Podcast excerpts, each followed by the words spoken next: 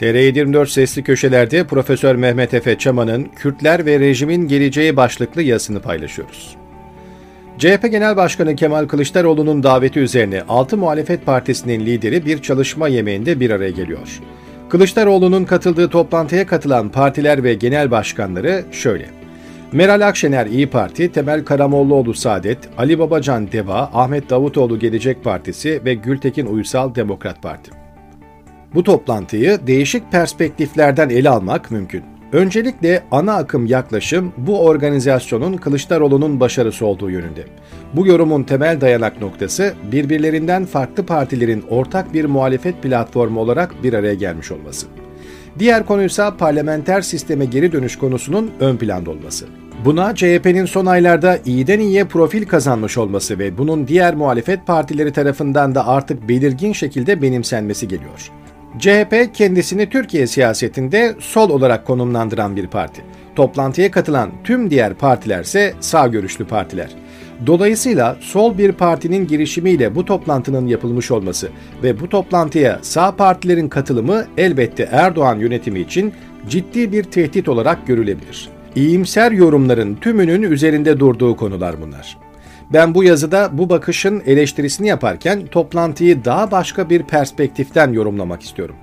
Bunlardan biri Türkiye'de sol siyaset merkezli bir okuma ve analiz. İkincisi ve daha ağırlıklı olanı ise Kürt siyasetinin dışlanmışlık konumunun rejimin geleceğine yönelik etkisi olacak. Önce birincisinden başlayalım. CHP yukarıda da işaret ettiğim gibi kendisini bir sol parti olarak konumlandırıyor. Şimdi bu iddianın geçerliliğini bir kenara bırakıp şunun altını çizelim.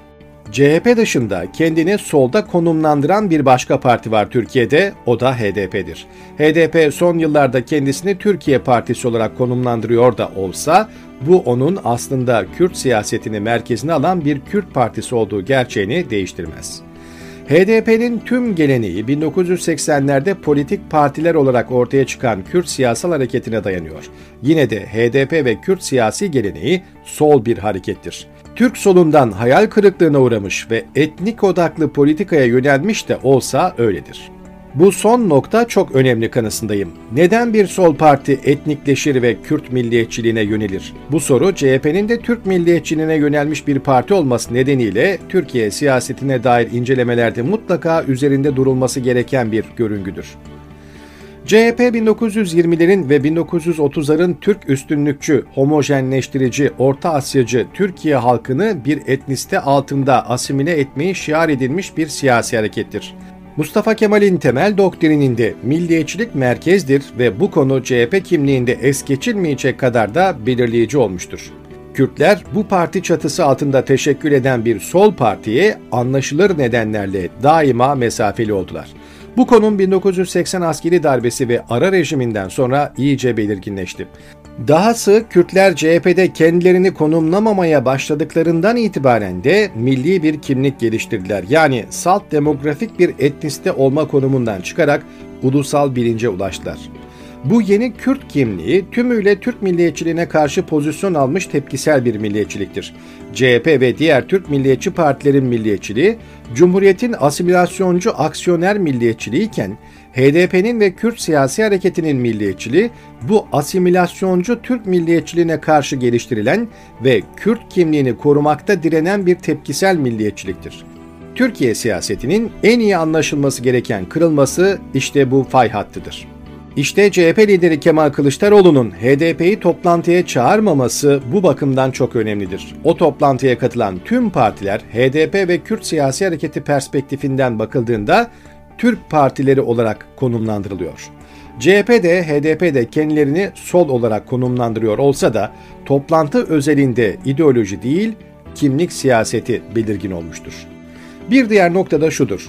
Her ne kadar CHP ana muhalefet de olsa ve o toplantıya katılan partiler içinde bariz en yüksek oya da sahip görünse gerçek şudur ki gerek kendi ulusalcı hassasiyeti ve HDP algısı, gerekse de sağ siyasi partilerin beklentileri bakımından HDP'nin toplantıdan dışlanmasına karar vermiştir. Bu ilk olarak CHP'deki Kemalist damarın hala çok etkili olduğunun göstergesidir. İkincisi bu sağ partilerin başarısıdır. Özellikle de Meral Akşener'in İyi Partisi'nin. Demek ki hem sol siyaset odaklı bakışta hem de etnik Kürt siyaseti odaklı bir bakışta ortaya çıkan gerçeklik, Türkiye'de muhalefet seviyesinde de bir etnik bölünmüşlük tablosu net olarak orta yerde duruyor. Türkiye demografik olgu olması dışında kimlik siyaseti bakımından da etnik olarak kaba şekilde Türkler ve Kürtler arasında ikiye bölünmüştür. Bu fiili bir politik bölünmedir. Bu bölünme eğer bir sorun olarak tanımlanacaksa ve bölünmeme durumu idealize edilen sonuç olacaksa bu sorunun kaynağı Kürtler değildir. Dediğim gibi Kürt nasyonalizmi tepkiseldir. Oysa Türk nasyonalizmi aksiyonerdir. Anadolu coğrafyasında Türk etnik devleti inşa edilerek ve etnik politikalar takip edilerek Kürt refleksel milliyetçiliği tetiklendi.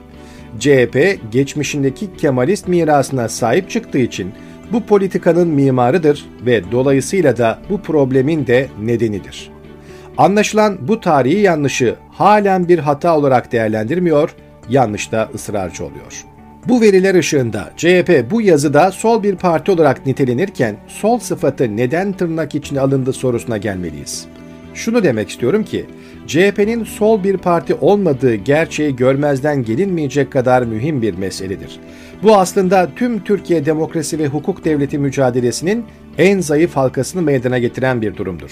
Bugün CHP, rejimin ikinci en güçlü partisidir ve söylemleriyle de eylemleriyle de 2002-2011 dönemi AKP'sinin bile çok ama çok gerisindedir. Basit bir stratejik toplantıya HDP'yi davet edemeyecek kadar da değişime ve dönüşüme kapalıdır. Belki Kemal Bey ve ekibi bunu değiştirmek istiyordur bilemem fakat görünen o ki bu değişimi istiyorlarsa bile bunu sağlayacak cesaretleri veya güçleri yoktur. Bu rejimin değişmesi için öncelikle elbette Erdoğan ve AKP iktidarının MHP ve derin devlet desteğiyle beraber topyekün olarak gitmesi gerekiyor. Fakat bunun yanı sıra yerine gelen iktidarın da bu rejimi sonlandırma ve reform iradesine sahip olması lazım. Mesele şu ki, birincisi yani Erdoğan ve bugünkü iktidarın gidişi matematiksel olarak olanaklı da görünmeye başlasa, ikincisini yani demokratikleşme reformlarını başlatacak ve yürütecek bir siyasi irade henüz ortada yok. Bu CHP bahsettiğim demokratikleştirici dönüşümün mimarı olamaz.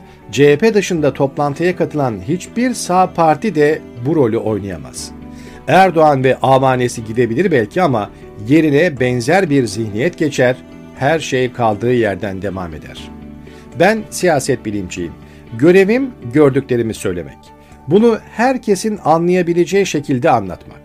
Gerçek şu ki Türkiye'de Kürtleri dışlayarak ülkeyi hukuk devleti haline getirmek olanaklı değil. Önce Erdoğan gitsin, sonrasına bakarız mantığı bunca sütten ağzı yanmışlıktan sonra bana akıllıca bir taktikmiş gibi gelmiyor. Elbette bu benim fikrim ve başka insanlar farklı düşünebilir. Bu yazının da amacı insanların olaylara farklı açılardan yaklaşmalarını sağlamaktır.